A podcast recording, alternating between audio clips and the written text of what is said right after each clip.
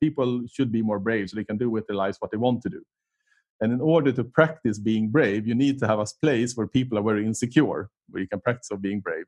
And sexuality is like the perfect like place to practice being brave because it is so like deeply integrated or like it's so close to our heart. It's so important. We all have a relationship sexuality. Society is very sexualized you know with commercial and music videos and blah blah blah. Um, so it becomes like a place an amazing playground to learn how to be more brave and to learn about your limits and what you like and what you don't like This is the Mofjärd Talks podcast, where the intention is to empower you to be more of you. Your journey of becoming more fully alive and exploring what a life of meaning looks like starts now. In this week's episode, I connect with the teacher and body worker Andy Buru for a conversation about conscious kink and BDSM. Andy is teaching European and Japanese rope bondage with the intention to create magical rooms where people can rest, heal, and grow. What is it with power play that awakens the curiosity and arousal of so many? Andy invites us for a philosophical approach to BDSM where presence and pleasure is the North Star. In this conversation, you will hear us talk about how to build the trust to play safely, how to talk about consent and fantasies, why polarity and power play is a way to increase arousal, and how to explore your boundaries when you're new to BDSM. This is BDSM for beginners, and you are listening to the Mofjärd Talks podcast. My name is Madeleine Mofjärd, and I'm so thankful that you're listening today. If you find this valuable, make sure to share this on your social media or with a friend. Now, let's welcome Andy to the show. Hi, and welcome, Andy Buru, to the Mofjärd Talks podcast. thank you It's so nice to have you here. I'm so curious to dive into the world of BDSM with you today. Yeah, me too. I'm always curious when there is people that the further away from BDSM something is or something that I do an interview with, the more Yeah. curious I become about it. I think. yeah, I love it. That's nice. That's nice. And then we meet from a place of curiosity today. Yeah. That's lovely to hear. And I'm uh, I'm curious uh, on how you are today, Andy. Before getting started, so I would like to hear how is your heart today. How my heart is today. It is pretty relaxed. I'm having like a super slow morning at home and without really anything else to do today except like talking to you. You're like my only scheduled thing. Mm, and that feels nice. Mm. yeah. Mm, that's lovely to hear. And if uh, you tune in right now in your life, is there any anywhere specific where your attention is at the moment? Yes, there's a very special place. Um, because I asked on Facebook about a few days ago how to get kind of ground or space, or what do you say, land is maybe the best word for it, to build a Japanese garden. And then a person that I met maybe a few times said, like, yeah, we have like an island out in the Swedish archipelago. Maybe you can have a piece of that. Wow. and I was like, okay, like, okay, why are you giving me a piece of your island maybe for free? This is Yeah. weird. wow. Um, so a lot in my head goes around thoughts of building a Japanese garden out on an island in the archipelago. And the other thing is not knowing if it's going to come true. Think about, oh no, no, no, it's not going to happen. So Mm, mm. we will see. But that's where my Wow. ma- brain is spinning a lot. That is so cool. And where did that idea come from to build a Japanese garden? Um, from that teaching like bondage and BDSM and tantra, it's in a way it's very philosophical, intellectual, but kind of to leave something more physical behind. Um, I think also I recently turned 40, so then I think I start to think about these things like what practically do I want to leave behind when I die, I guess. Um, so then I wanted to build a Japanese garden and a tea house and like I value a lot being able to uh, maintain or like pay attention to detail in like more than usual. I mean, usually this is.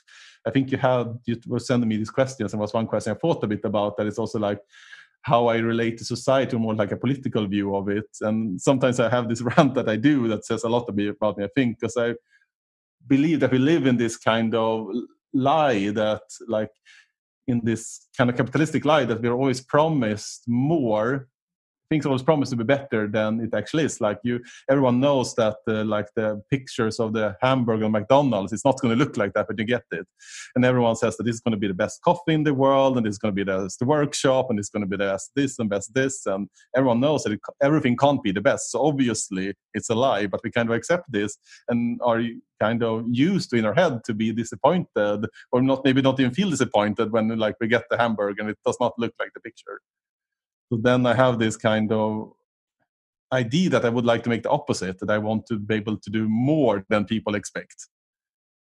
Um, to kind of break this trend. Um, but that, of course, requires me to have a lot of time and like resources in a privileged place to spend my time of like doing a few things much better than people expect, and instead of trying to do a lot of things much worse than people expect or like kind of living up to this idea that i think it's a lie in a way in my mm. we all accept yeah and is that something that you implement in your like is it are you talking about your daily life or is it like with the workshops that you're hosting or yeah i what, try what to areas? do it everywhere mm. um, it's harder in my everyday life because then i'm just me in a way in my workshop i'm more a professional person and have a relationship to like the people attending the workshops and then it becomes easier because we are both two people like maintaining this relationship.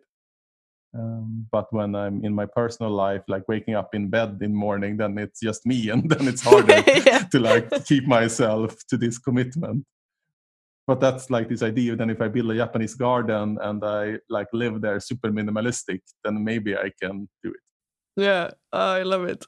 And you also spend a lot of time in japan right yeah, I mean, I worked there for two years when I still was having my career job, and then I and after that I go back maybe every second or every third year for a couple of months. how is your relationship to Japan? Like, how do you think your time there has affected what you do today? I mean, I'm super interested in their view on uh, architecture and philosophy. I mean, they have a word called wabi sabi that kind of is the relationship to space and to material and to it's a very like philosophical idea on how you kind of create a space around you. Um, like examples would be like i mean in modern kind of european architecture like we kind of value concrete and glass because things should be like very it has this idea of things that are things are endless and they never break down and you can see clearly by kind of this wabi sabi aesthetics is more connected to like the decay and as life is passing so it's more like natural material integrating in nature and so on. So i mean and all this kind of aesthetics is represented in a lot of japanese crafts um, like in aikido and ikebana ikebana is how we arrange flowers and tea ceremonies. So i'm very curious about how to study that and then I do a bit of rope bondage when I go to Japan as well. But it's it's very different um, because in Japan the rope is very much related to the like to the pornographic underground red light district um, thing. And it's not spiritual at all as it is here like in europe. So they are quite confused when i tell them about how i do rope mm. bondage in europe. Mm. they're like what? Like here it's a part of yeah pornography and red light district in a way. So mm, interesting. Yeah it's it's a very long like subject but and where does rope bondage come from originally? I mean the way that i teach it and practices is very Japanese influenced. Um, and it depends on how you look at it. Um, there is something called Hojojutsu that is like a way to kind of tie up prisoners. And that has existed for a long time, but I wouldn't say that that is connected to the type of bondage that I do because I think what I do is focused on pleasure and eroticism um, and that kind of started to happen in the 1920s and 1930s with like an artist who made these kind of wood carvings that they do in Japan. I think they're called shuga, shuenga, shuga. Um, so he started to take old kind of stories about eroticism and also a bit about like ghost stories and adventure stories and carve them and in these carvings there was some kind of rope bondage they started to take photography and then it kind of developed from there through like the 30s 40s 50s up until today. So it's not like a super old practice. Mm, wow. That's cool.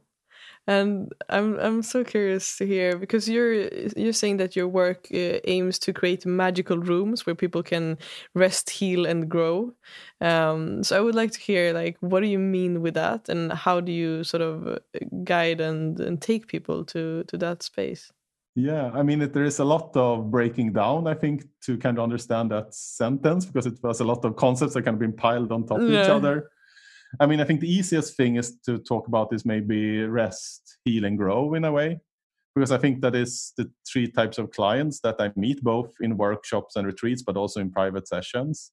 I mean, most, not most, but some people that come there, they're like just burnt out from the high, what's called pacing or the high speed of society. Um, and like have a place where to slow down and focus on what they're feeling in the present and like what's happening in their body and how they actually are doing and having someone to hold space for that either if it's me personally one-on-one in a session or if it's like in a retreat or a workshop. Um, so that is kind of this rest kind of thing um, that's also very much reflected in, in the japanese garden project. Um, and then heal comes from like I think there's a lot of people that are traumatized. I think society is very traumatizing because it pushes us into this kind of um, you call like hamster wheel of ever performing. Um, and I think so. This goes from that to just kind of that life is tough on people nowadays to like what I would call real trauma that is more like sexual abuse and rape and uh, these things. So then that's like one thing that I work with but then I also am very curious about like the next part, like okay, so you will never get over your trauma, but like when when you want to get further or like to grow and figure out like who do you want to be in life and like more like look at life as more like a playground as a place where you can explore other sides of yourself that are not the way you are in society in general. And i think that is like the grow part and that is much also very much like related to like art and performance and theater um, like mask making and it's more like fun in a way and like playful. Um, while like the rest and the heal is very like serious or um, so that's the these three words. And then like i was thinking about the word with magical rooms or magical spaces. Because for me like what a room is it's like a dedicated place um, with like within time and space and it has kind of a frame or like walls around it that separates separates it from uh, from the world from the outside. So i mean many of us i think everyone like has one way how you show up in your everyday life. And i think many people are curious to be what what else can i be? And then when you kind of step into a room or into a space and into like a new defined frame um, then you can be something else or something new and you can play out like things inside this frame does not have the same consequences or it doesn't have the same meaning as they do in in the big life outside. So then to create these rooms is like really what i yeah it's like really my passion. And then i was thinking what word i should like how do i describe these rooms? And i use the word magical because like in a way what i do it's not scientific it's not like scientific rooms for research and stuff like that because like some people ask me like, so how do you know that this works? And like i come from like an engineering background so looking at my own engineering skills like obviously i don't know that this works if i should look at um, or what you call like proof testing or verification processes in engineering. Obviously, I don't know that this works because I'm one person doing it. I have a few people that I talk to around this. I only have my own experience. They're always filtered from my perspective. So like, and the, the other people that was a part of it, like we do not have a science. It's not a scientific method that we're working with. So it's not like a scientific room. Um, and then also like sometimes i was thinking okay maybe it should be art. I mean art i think i like the swedish word konst much better in a way. Um, but like okay it's a way to kind of explore an expression or like something that is artistic but it also seems a bit like serious in a way art. Um, and that's kind of so i think i was thinking like so is art for everyone? This is a good like question. Is art only for artists? Um, so then while like magical rooms is for everyone in a way and it's So that's why the word magic is there. Mm. I love it. I love the description also. I love like the the idea of how like because we think everything has to be so serious. Like if i have this fantasy for example then that's that's who i am. This is this defines me in like the, the the real world sort of. But then i love that freedom of like you mentioned to create rooms where it's okay to like have all these ideas and kinks and thoughts of yeah of things that you want to try out. Uh, and it doesn't have to sort of define you as you show up in the world. Um, everything is okay in the magic rooms. yeah, yeah. I, mean, yeah. I think this is the kind of the the the big gift of playing in a way, and I think like kids do this all the time. Animals do it. Adults do it way too little. Maybe is the word to use. Um, and I think also like the more more polarized or the more critical society gets, like now we have the pandemic, and then we have the climate crisis, and then we have like the what do you call that kind of when the political scale gets more radical with like um, like fascist parties starting to get more and more like it becomes more and more important like where are you and who are you and like are you with us or against us? And and i think that forces people in a place where it becomes very hard to play. Mm, yeah. It's hard to take st- standpoint for something because of the fear of like being i don't know. Yeah shut down for some yeah. reason yeah yeah mm. or like and and it's like for me like when i exist in these more magical or playful rooms like it's many times that i'm super contradictory because like okay this idea is true in this perspective but it's completely not true in another perspective uh, and it, i think it's very hard to be contradicting um, or like it's not so allowed to be contradicting in the wider society um, like when people post on facebook on twitter it's like I don't know how many words people write normally, but it's not so many words, and there's doesn't give space to be so nuanced. And like I write my texts every week, and it's like a thousand words. I think that's the minimum I need to kind of have like an idea of one subject that I want to explore. Uh,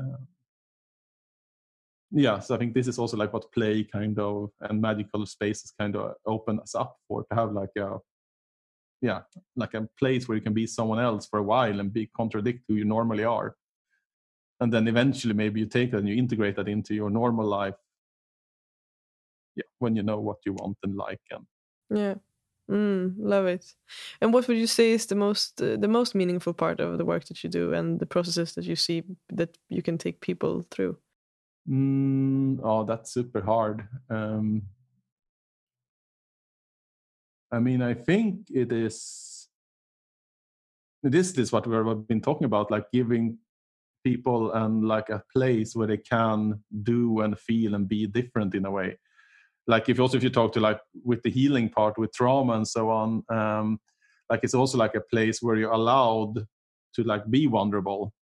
Um, so I think that it's the same thing in a way. Um, yeah to create these spaces where people do not have to be as they are in everyday life in a way to like i think that is the most meaningful. But it's also a bit um, maybe not super concrete but yeah. Yeah but it's yeah it, it explains it well. I'm um, i'm really curious to hear like what triggered you to get into this work from the beginning? Because you mentioned that you come from an engineer background. So uh, where this where did you sort of find this world and get into this work yeah i mean it's many steps um, so it was never like i woke up one day um, and like decided that i wanted to to do something different. I mean one like very turning point was what one of my first managers said to me. He said like because i i mean i've been coding and programming and been a computer geek since i was like 13 and i've been like developing and working open source projects. And he said like also andy like the work that you do is never going to be any better than your team. So like it's more important that you get your team to perform than to get yourself to perform. So then I started like, oh, okay, that was a realization for me. So then I was like, okay, so then I kind of started like, okay, how can I like optimize or like build environments for other people to be like productive and work? And then I sort of get very curious, moving my curiosity from like computers and engineering into people. How do they operate? And they are very different beasts in a way um, so that were that kind of were one turning point and then i kind of and then i kind of started to discover my own sexuality within bdsm and polarity and tantra and all of this.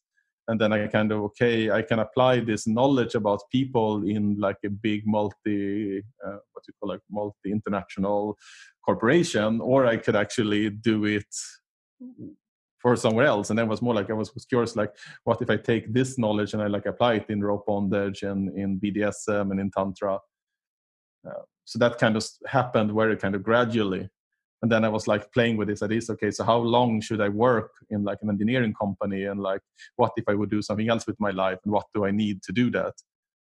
So then i took a decision that i would gather enough money so i would feel safe to leave. And then i did that and then i left maybe five years later or something like this so i mean it started maybe when i was 25 and i had started to like shift from computer engineering into human beings and then taking a decision to leave when I was around so to think about the idea of leaving when I was around 30 and then have taken five years. So I'm kind of a slow person in many ways. Mm, mm. Yeah, it was a process. Yeah. And and and how did you find your way into BDSM? Because you're mentioning how you you sort of got the curiosity to people, but then how did that shift into BDSM and rope bondage and tantra? Um, I mean, I was always interested in polarity um, when I since that has always been like a thing for me. Um, when I was very young, sometimes I thought I was gay because there is like a polarity in like the gay scene in Stockholm, where I was like in the gay underground scene. So I was in that for a while, but then I kind of realized that I'm not gay or like that the gender is not so important. Um, and then I kind of started to like look for different ways of this expressing itself.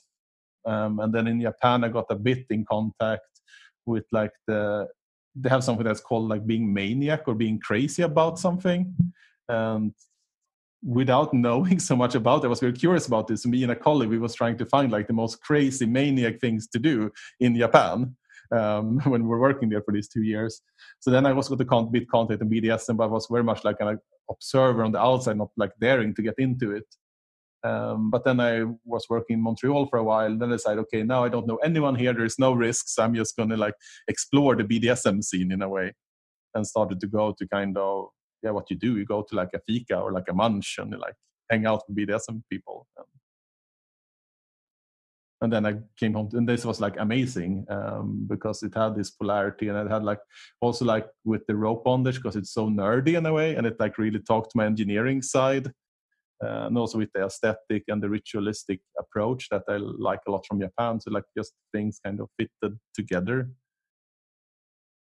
Um, yeah, and then I came back to Sweden and I thought, okay, this is what I want to do. So. Mm, nice. And you also talk about how BDSM is a like a yeah a space for people to express the full the full parts of themselves, like the full yeah the, the spectrum of, of of us as humans. Uh, I would like to hear a bit about that as well. Like, what are the full spectrum of a human being? Yeah, I mean, I think um, you can rephrase the question. There's a, a, teacher that I really like called Johan Ekenberg, and he has like he has this perfect way of saying this. Because what he wants to do and i completely agree to him he wants to make people more brave. That is like his that's what he wants to do. People should be more brave so they can do with their lives what they want to do. And in order to practice being brave you need to have a place where people are very insecure where you can practice of being brave and sexuality is like the perfect like place to practice being brave because it is so like deeply integrated or like it's so close to our heart. It's so important. We all have a relationship sexuality. Society is very sexualized you know with commercial and music videos and blah blah blah. Um, so it becomes like a place an amazing playground to learn how to be more brave and to learn about your limits and what you like and what you don't like um, maybe if it was like another time maybe it wouldn't be sexuality that was like the way into this. And that's why i think like then bdsm and tantra um, are like the most refined or like they have been in that practice people have been thinking about sexuality a lot and what is sexuality what is arousal, arousal what is polarity like people have been trying to put words onto this and explore this concept and created like uh, modalities um, or like practices to do this um, in form of exercises rituals practices and all of this. And that's why i think it's an amazing place uh, to be brave or learn to be brave. And then like some tantric people they would argue like okay but like the sex- sexual energy is the life energy. And like i mean i don't know I, I, don't i don't think i have to have the answer for that question like the practices from BDSM and Tantra are good enough to make people to create a space where people can be brave and grow and like have amazing experiences. So that's like good enough for me. Mm, yeah, yeah. Mm. And uh, and you mentioned the the word polarity, and that is something that I would like to to like like before even diving into talking more about BDSM, I would like to hear you explain what polarity is, and yeah, for anyone who are listening who like has no idea what BDSM and polarity is, what is yeah. what is polarity? Uh, I mean, the most basic way to explain it would be to say that that you you have two people. You could also be two groups of people or two sides inside of yourself but there is two things that are dependent on each other um, and also kind of reinf- reinforce is the wrong word but they work as a catalyst to kind of make the other person more of what they are um, like for example in partner dancing is like a perfect example of polarity that one is leading and one is following. If both is trying to lead and follow at the same time then you're doing the same role. You're playing so you don't have a polarity. And the more you can tr- kind of drag out the polarity between the one leading and the one following the more um, you kind of can excel at the at your own role and at the task or the activity of partner dancing in a way um, so that is like polarity and then i think you can find polarity in lots of different things. Um, you can find it in like the um, being like a mentor and a, what's called like mentee or like a student and a teacher.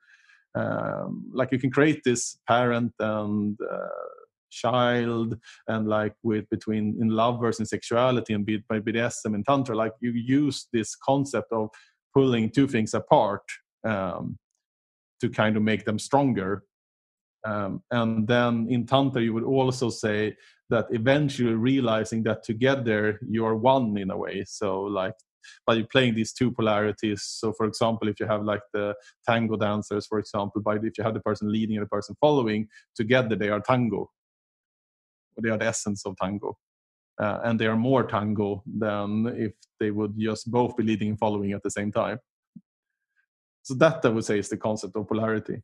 Mm, lovely. I love how you describe that. And how would you say that polarity affects our relationships and also our sexuality? I mean, I think in our relationships in general, um, there is one one part to look at is, is with equality. Um, and I think, but I don't think so many people think like this. But there's the nidbild in Swedish, like a false perception, thinking that equality is that you must want exactly the same thing. So, like, both people must like to cook equally much, and both people must like to work equally much. But I think the, the more idea behind equality, like in the background, is more like that. Okay, you should like contribute equally, but then maybe contribute with different things and i think that is like where you can create a polarity by being like if i'm really really i love cooking it's like a pleasure for me then like let me put a lot of work into the cooking if my partner loves working for example or like do something else. So in a way to look at yeah so being allowed saying we don't have to do the same thing it's just like the value in on the most abstract level has to be equal in the end um, so that's one place like in relationships. Um, then in sexuality i think it raises arousal like that people get aroused when they are not the same. And i think that's when you come into this like what in tantra would call masculinity and femininity. Bdsm you probably would call it dominant and submissive because it's not connected to gender at all there. It's usually disconnected from gender also in tantra but they still use the word of masculine and feminine. Um, that's a way to kind of raise arousal. Mm. Yeah. And how how is your work with the rope bondage connected to the polarities? And what are sort of the yeah the sensations that people experience when when when experiencing being sort of both yeah both tied up but also um yeah tying someone up yeah, um, I mean, for me, one very fundamental thing, the way that I teach rope bondage, that it is a game of polarity, but it doesn't have to be like this because there's many people that teach rope bondage without any polarity, um, where it's more about creating like an aesthetic, an aesthetical sh- uh, shape or like just building something beautiful. but i'm i think i'm super curious about the polarity so my rope bondage is always like it always includes the polarity part into it um but then your other question was more like about like how does it impact like what do you feel in the different polarities in rope bondage? Um i think as the person being tied um, there is like several layers to it.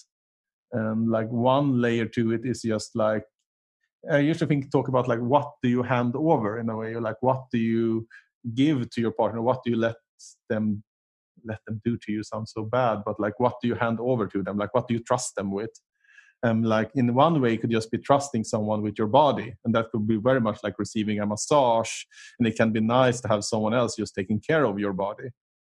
Um, and that almost everyone can vibe with. Like if i do a rope bondage workshop like everyone thinks it's nice like okay you kind of tie me up you decide where i should be you hold me and you take care of me and you make sure that i have a good time. So that that's like easy but then like underneath that there's so many other layers. So i mean the other thing is like when you go beneath this kind of just handing over your body to kind of start to play with pleasure and pain i think that's another thing and like because both pleasure and pain i think they raise arousal and eventually they like they are just sensations into the body like being touched and or being hit or being squeezed or being held in ropes.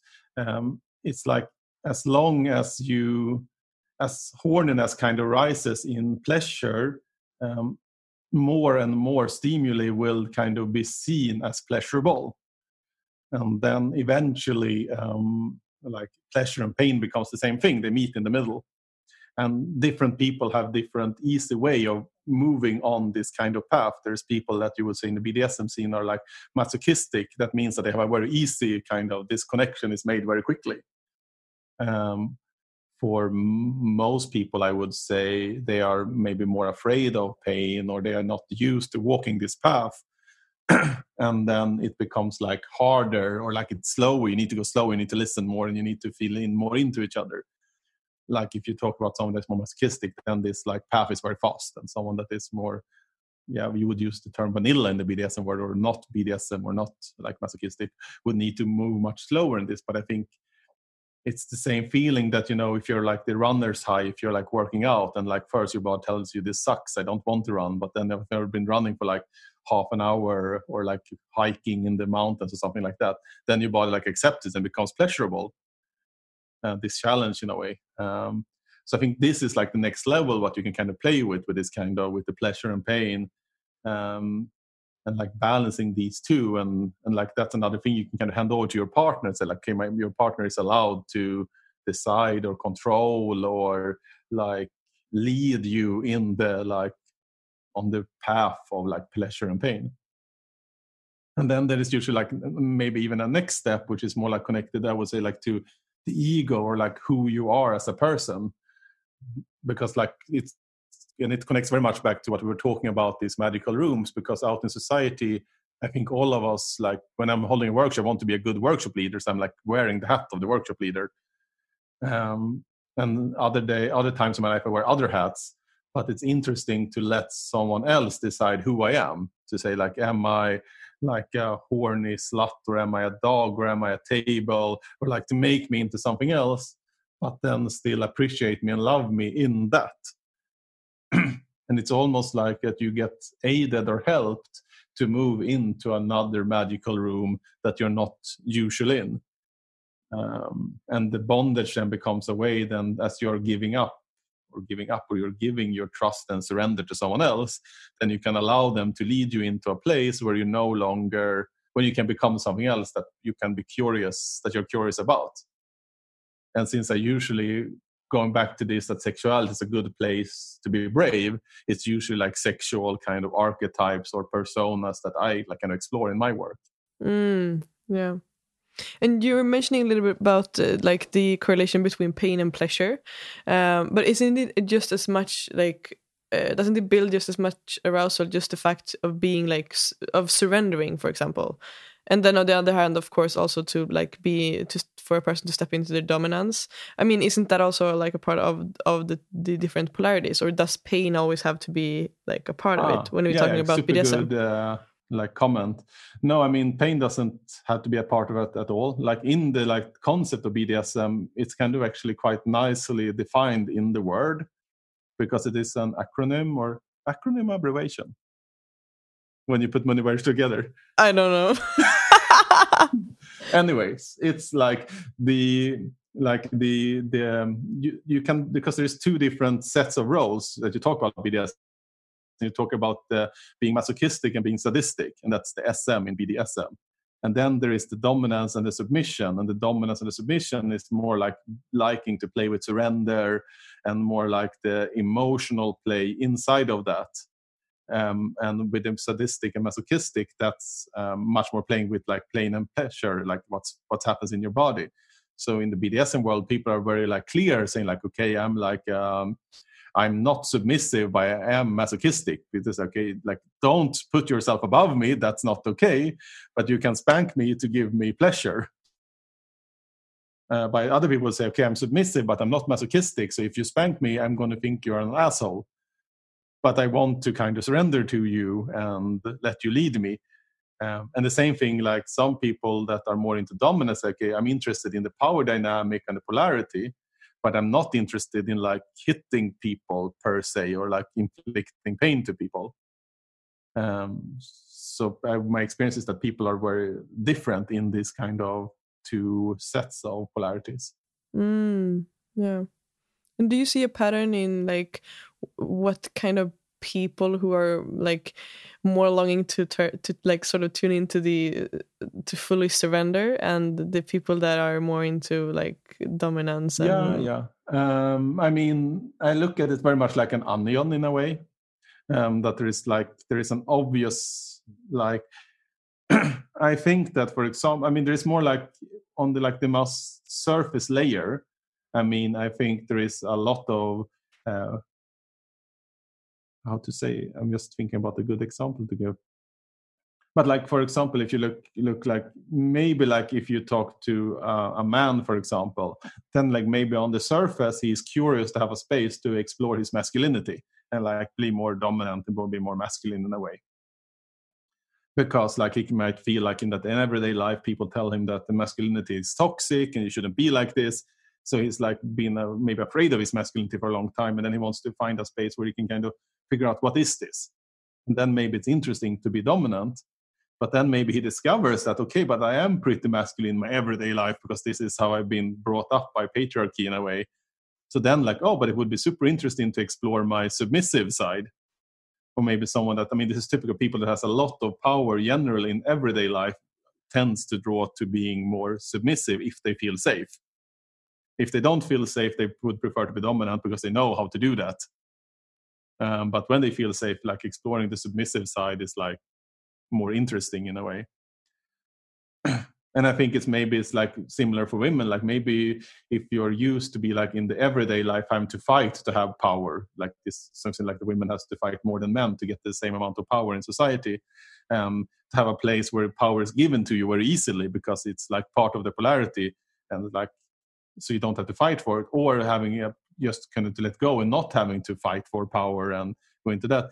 So i think it's like so many layers on like who you are both on like a social and a personal level. And then underneath that comes maybe like all fantasies. And then in the bdsm we also talk about like fetishism like to being like obsessed is a bad word but being maniac about a certain like idea or thing. And maybe and that also has like a polarity into it like where maybe you're dominant or submissive or so i think the like the deeper you dig into yourself the more like different dynamics you will find.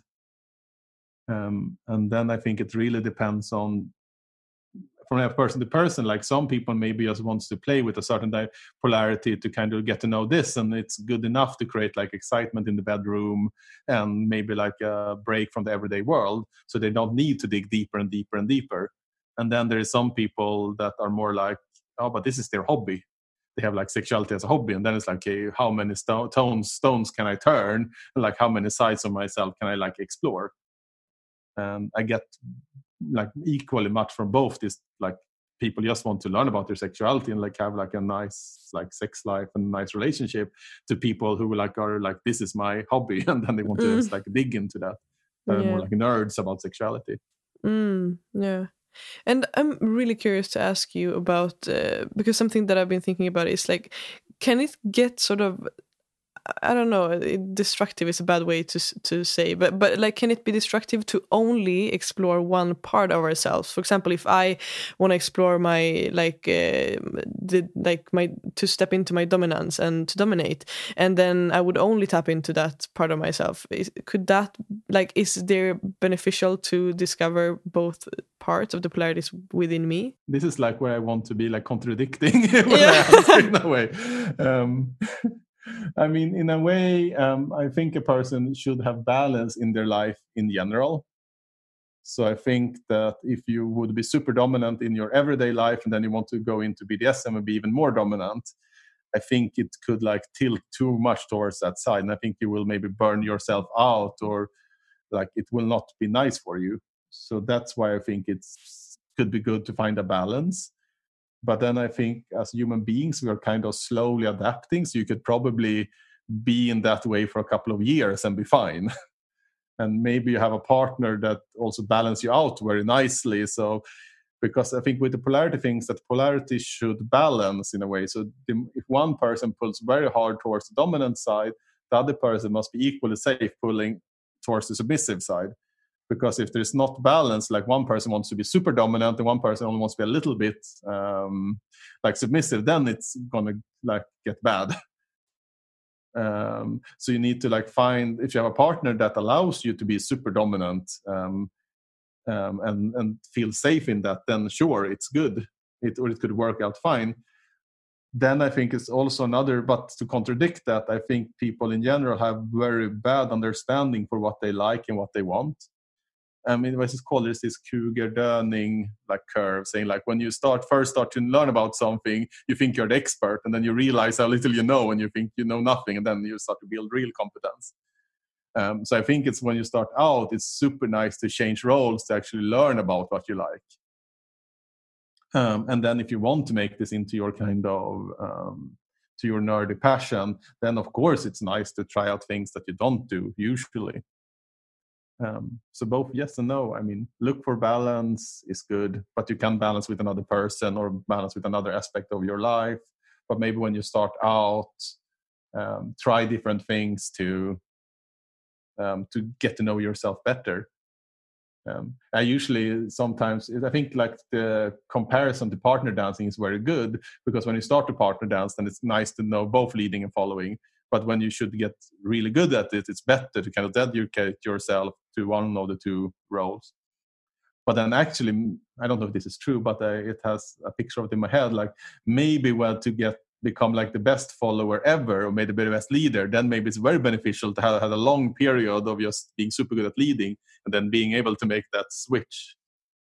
Because then you really understand the other role and how you relate to it in a way.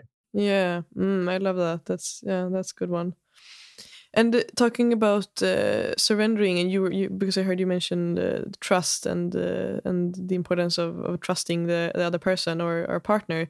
How do we build that trust that is needed in order to to be able to surrender to our partner?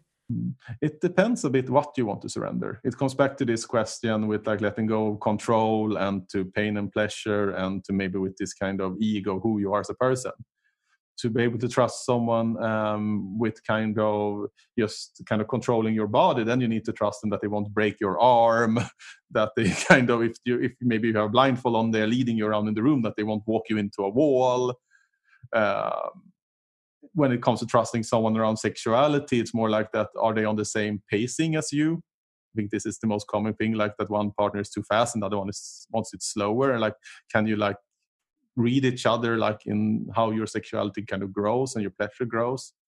When it comes to pain it's very much about showing like how can you measure like how much how painful this is and how the person is processing the pain and um, and like how can you balance that with pleasure?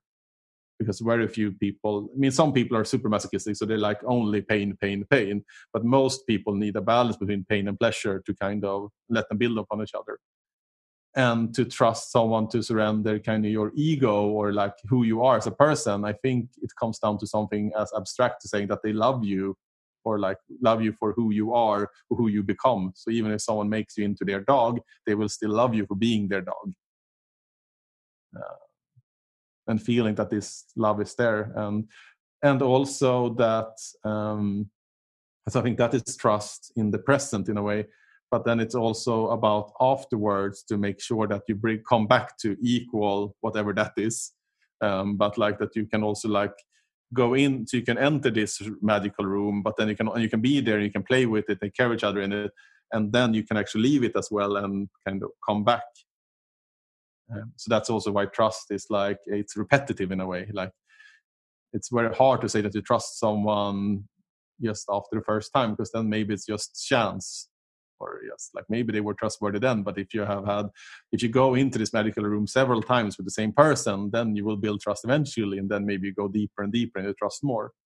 Mm, and it's interesting because one part of it is to be able to surrender and to have the trust to surrender. And i mean the other part would be to to sort of yeah maybe to have the courage to to be dominant.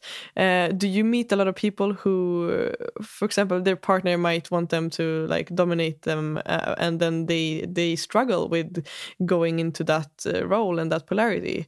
Um, and how do you sort of guide them, or yeah? Yeah, I mean, it has also a lot to do with trust that what they do is acceptable and that the other person want them to be dominant um, that is like one fundament there's like two sides of it because being dominant is really paradoxical in a way because part of it is building trust and what you would say in the tantra world holding space or like like building a safe container for the two of you so the other person can surrender so that's like part of it. But the other part of it is being selfish and taking what you want from the person that is surrendering to you.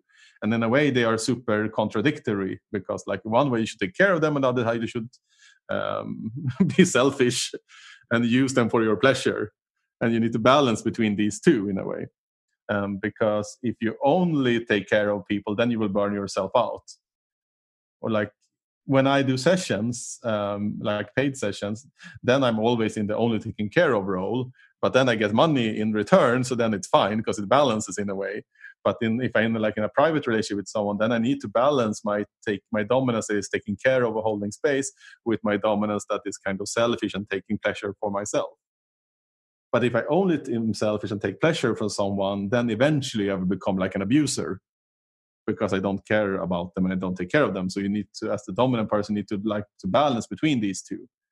And some people have the thing that they are maybe too caretaking, or that's that's the wrong word to say to say that they are they have they they find they find themselves more safe in the holding space taking care of a place so then they kind of default to that and they don't dare to go into the being selfish taking part and I think this is most people are like that.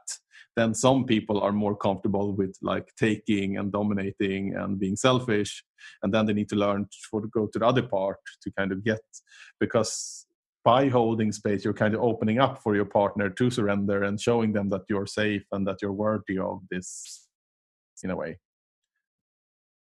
Yeah so it's like learning to balance between these two and like also like how deep are you willing to go? Like what are you willing to play with? Are you willing to just like what do you feel safe to play with? Do you feel you feel safe to playing with the control of the body like the positioning? Or do you feel safe with playing with pain and pleasure? Or with this like more ego kind of who they are as a person to you?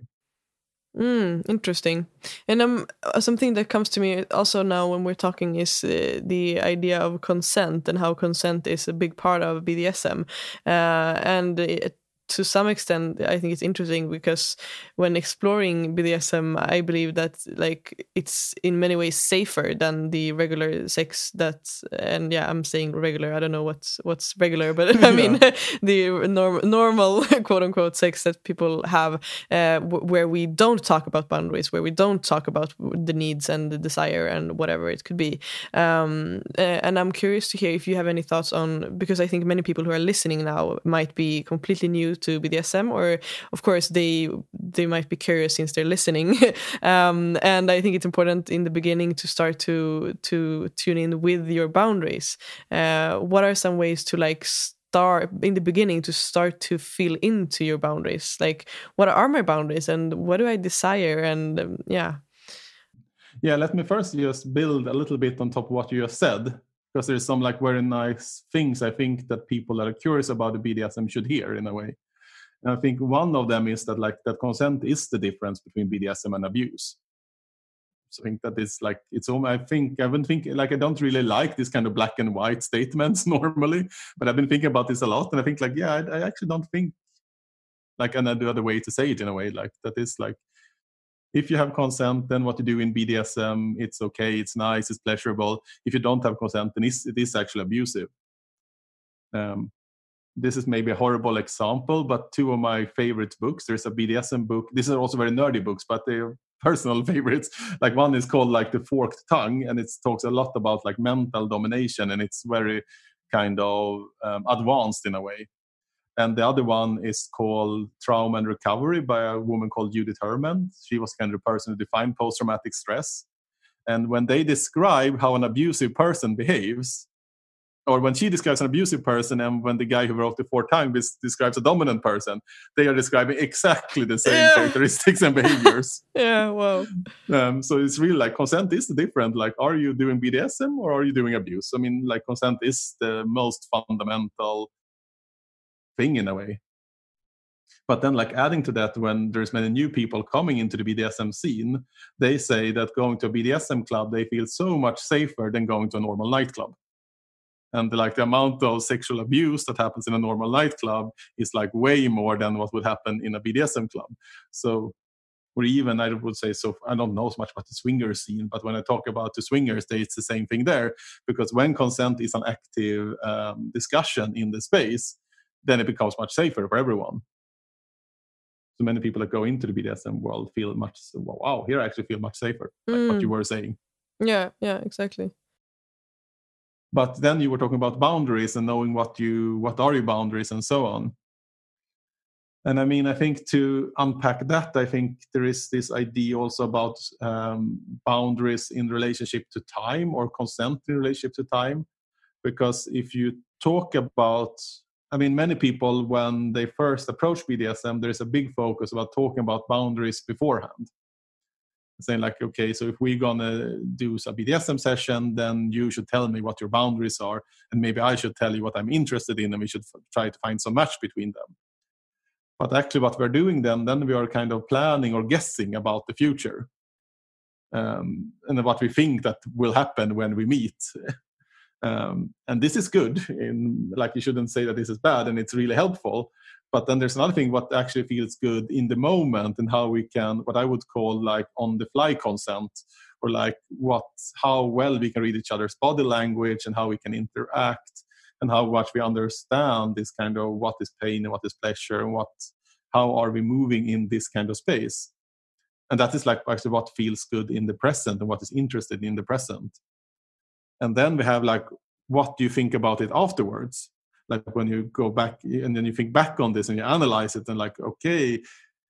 And then maybe you will think oh this was amazing. Maybe you will actually think oh this was horrible but it felt good because it's like these three things they can like they don't not always align. It's like i have experienced many things in my life that if someone had asked me beforehand if i would want to do this i would probably never say yes.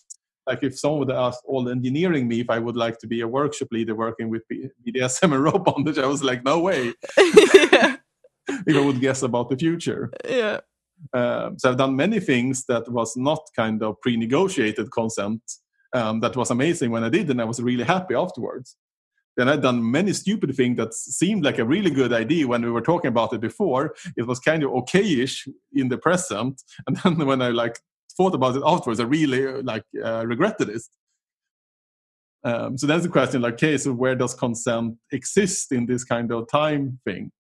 But I think to make it easy for beginners, um, I think the, the, the, two things that you you should like be aware of all these three like aspects of time and like what you do beforehand.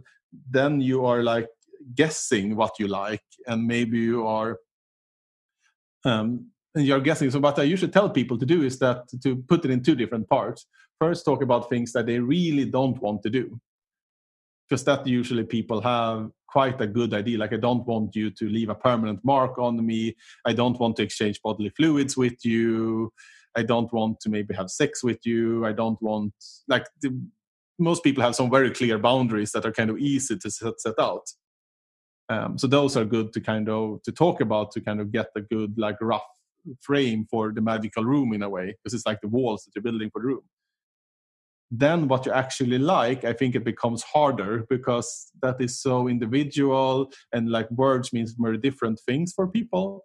So i usually talk more about it from the perspective of like a shared fantasy or like what we are curious more talking about like so when i meet you when i see you when i hear you this is what you inspire in me rather than saying, okay, I want you to spank me three times on this ass and two times on that ass, yeah. um, then maybe I'll say, like, when I see you, I get curious about what would happen if you would spank me. Or like, I'm curious what if you would like be dominant. So I'm more talking about like what seeds of fantasies and curiosities rather than trying to be very specific. Um, so, and that's like the beforehand. And then the, what's happening during like the play or the session then it's like um, learning how to read each other's body language in a way and also verbal language you can speak but like how to communicate during the play and how to read each other's bodies. And this is like really like a practice a skill that you can build and some people will be very good at some people will be less good at it. Like if you've done partner dancing you're going to have like a big start ahead. If you spent your early years as an engineer you're going to have a lot of things to learn. Yeah so that's the other part. And then the, also um, thinking about it um, about having like a safe word um, saying like so if you want to leave the magical room in a way to have like okay what how do you do? What what is the door out? What is your exit strategy in a way? And normal people have a word like red is the most common word like referring to the traffic light in a way. Um, so that's like and like how do you exit this room? And then you have the part what do you do afterwards um, and then it's more like some people talking about the words of aftercare or more like kind of coming back to normal in a way and like finding a way like how do you yeah how do you return to normal and how do you help each other to return to normal in a way? And my experience is that often it's a dominant person that kind of needs more reinsuring here because they maybe did something that was not acceptable in society like takes the um, like the very normative example is there's a guy who has been spanking or hitting a girl like you're not supposed to do that in everyday life and and then you need to come back and maybe need to hear that it was okay that was happened inside the room is actually okay. Um, yeah so this is kind of what i would say like is what you are working with in the idea of consent. And maybe also saying like there is nothing like they say there's nothing like safe sex or there's nothing like a safe space. It's only safer. So you can only kind of do your best to make it safer. Um, you can never like make it completely safe. It's my experience.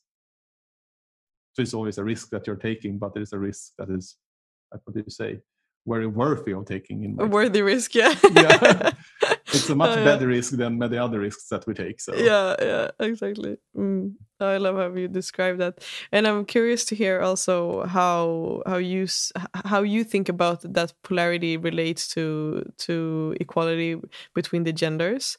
Um, I think uh, I, I think BDSM is something that could trigger some people who haven't like opened their eyes to it or experienced it or whatever it could be. And I think an idea that some people would have is that it wouldn't be uh, like yeah that it wouldn't be based on gender equality. So I'm curious if you have any thoughts on that to sort of break that that that uh, that down.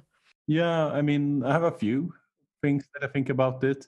I mean, one way to argue about this that I think is very valid or think about it is this like saying that women has been oppressed for a long time, um, that we're moving out of this oppression, and then kind of replacing that previous oppression, saying that women should be like this, with putting them into another box, saying that women are not allowed to be submissive if they want to, that is kind of equally oppressive.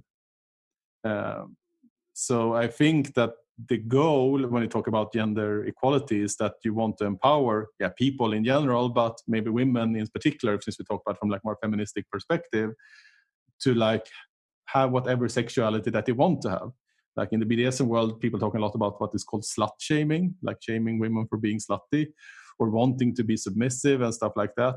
And for me, that is equally bad as being what do you say being like patriarchal or being like in the old kind of way of forcing women to behave in what way? So like in my kind of idealized future is that people should be allowed to express themselves whatever way they want to as long as they have consent for the people around them.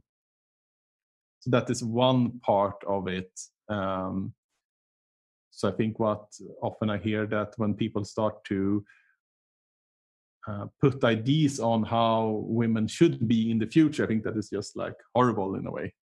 Um, so that's one part of it of about bdsm and there's also like they have made many studies saying that i think uh, there's lots of different studies on it but like some people estimate there's maybe like 20% of the popular population that has some kind of bdsm sexuality thing when you they made like some kind of study in um, with university students so maybe it's it's a bit like narrowed kind of demographic but then it's like 60% have had uh, like fantasies about being tied up for example. So it's like a super common thing to so i don't think it's something strange in a way. Um, and then i think it's another side of it um, i think also playing with polarity and bdsm is also becomes like a way to like explore and own your own sexuality. Um, and that and that you and, and seeing in the part of this equality game that it's possible to decide one thing in your work life and another thing in the bedroom and like empowering people to do this. Um, then it can become very complicated if you want to ask because in my experience that more women are submissive and more men are dominant. If i just should go from my um, like my experience of people I met. And then you can argue a lot about okay, is that because we grew up in a patriarchal society where men had learned to act one way, and is it because women are like this? But I think what I come down to, like my sexuality, and what I do within the bedroom, within like these in that room, it's kind of more holy than politics. Um, so like if this is what I'm turned on about and what I would say to people, if you're turned on by this in your bedroom, then go for your sexuality because sexuality, having a functional sexuality and being aroused and like that is more important than like having a political standpoint inside the bedroom in a way. When I think people will feel better and have a more healthy life if they follow, if they allow themselves to act out their sexuality, whatever that may be, uh, in the bedroom and there is yeah this is what i wanted to come to. There is this very one of my favorite like um, what you call like relationship coach is a woman called esther perel. And what she says is that what most people are turned on by by the night in the bedroom is what they demonstrate against in the daytime what they fight against in the in the daytime. And i think this is so true. And then you can kind of go into a whole like jungian analysis of why people are turned on by the things that they are yeah that they are fighting against in their real life and that becomes also like another rabbit hole to go down into. But i think there's also another way to view this that i think is really important. Um, like in a way the way that i view like when especially when being dominant as a man that it's almost that i'm making a parody of patriarchy uh, because like the the way that i'm acting in the in the play or inside the frame of this medical room it's like i do not want to be like this outside. And it's almost like and the more i get to understand this side of myself inside the the play or inside the bedroom or inside the session the more i see other behaviors outside um, so like i noticed that since i've been spending i mean my past 20 years with this i'm so in not interested in being part of like power dynamics in like everyday life because they're non-consensual they are messy um, so i think seeing what you do and in a way as a parody uh, because i think like in a parody or a satire satire satire, satire and a way to kind of put the finger on something that is wrong in society and learning and understanding that so you can see it even more and be more clear about it in like society on the outside. And I think this connects back to this idea about like the BDSM club. Most people feel more safe in the BDSM club than in their workplace and in the nightclub and in the bar and so on. Mm, yeah. Ah, I love that how you share that how how like experiencing this part of us makes us less like intrigued to to to explore that side in the real world i mean real world but the daily yeah. daily life yeah i mean because many a lot of people that i meet they really are they come from like a super, super abusive is maybe a too strong word but in a very non conscious relationship when they've been forced into one role uh, maybe because they had a sexual preference towards these roles. Maybe it started a sexual preference when they were dating, and then it kind of spread out to the whole relationship. And people feel, and then after 10, 15 years, people feel like, just, I'm done with it. So they just leave. Um, and then it's like, but actually, eventually, I was still turned on by this when it started out in the dating kind of sexual phase. And then, like, learning how to take that and make it conscious and like what is the borders and the limits for it and where do i want to be like that and where do i want to be in another way i think that is like super healing or healthy for people mm.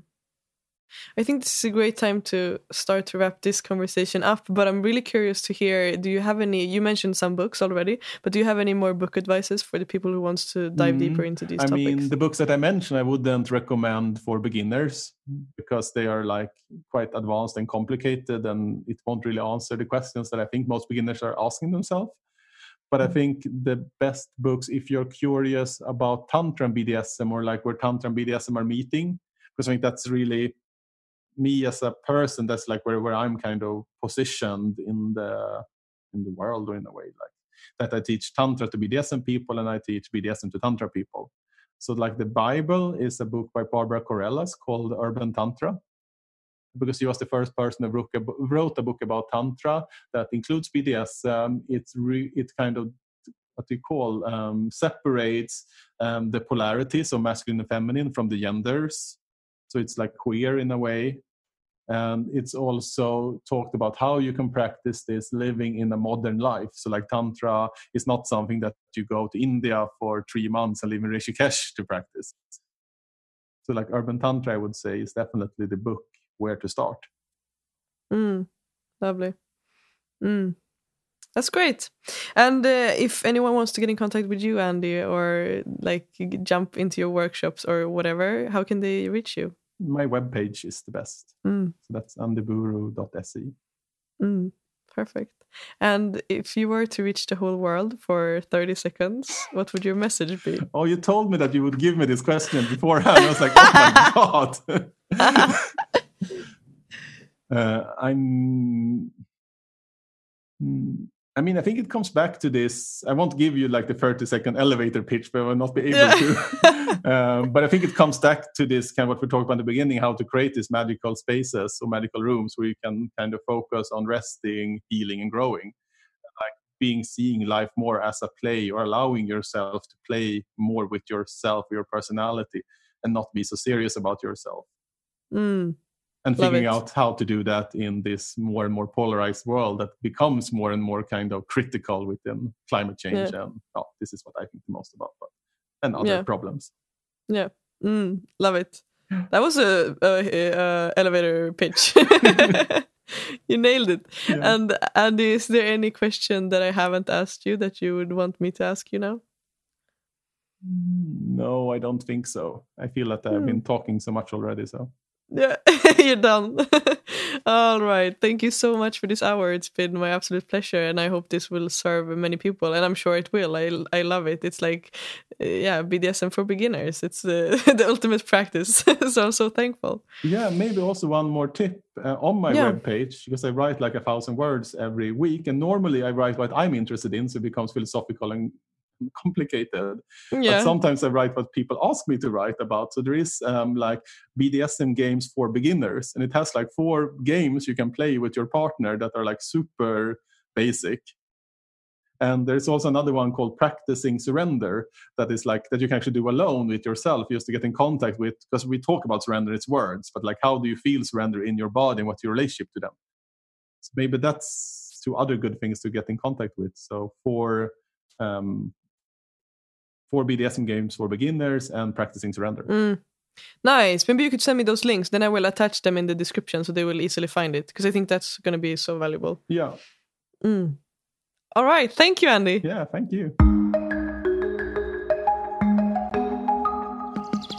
Thank you for tuning in today, for listening and expanding your mind together with me. The journey starts now. I invite you to join me in the Facebook community where I open up for space where we can all show up fully as we are in our unique presence. Find your way there by checking the links in the show notes. I am truly longing to connect with you all. Talk to you next Tuesday.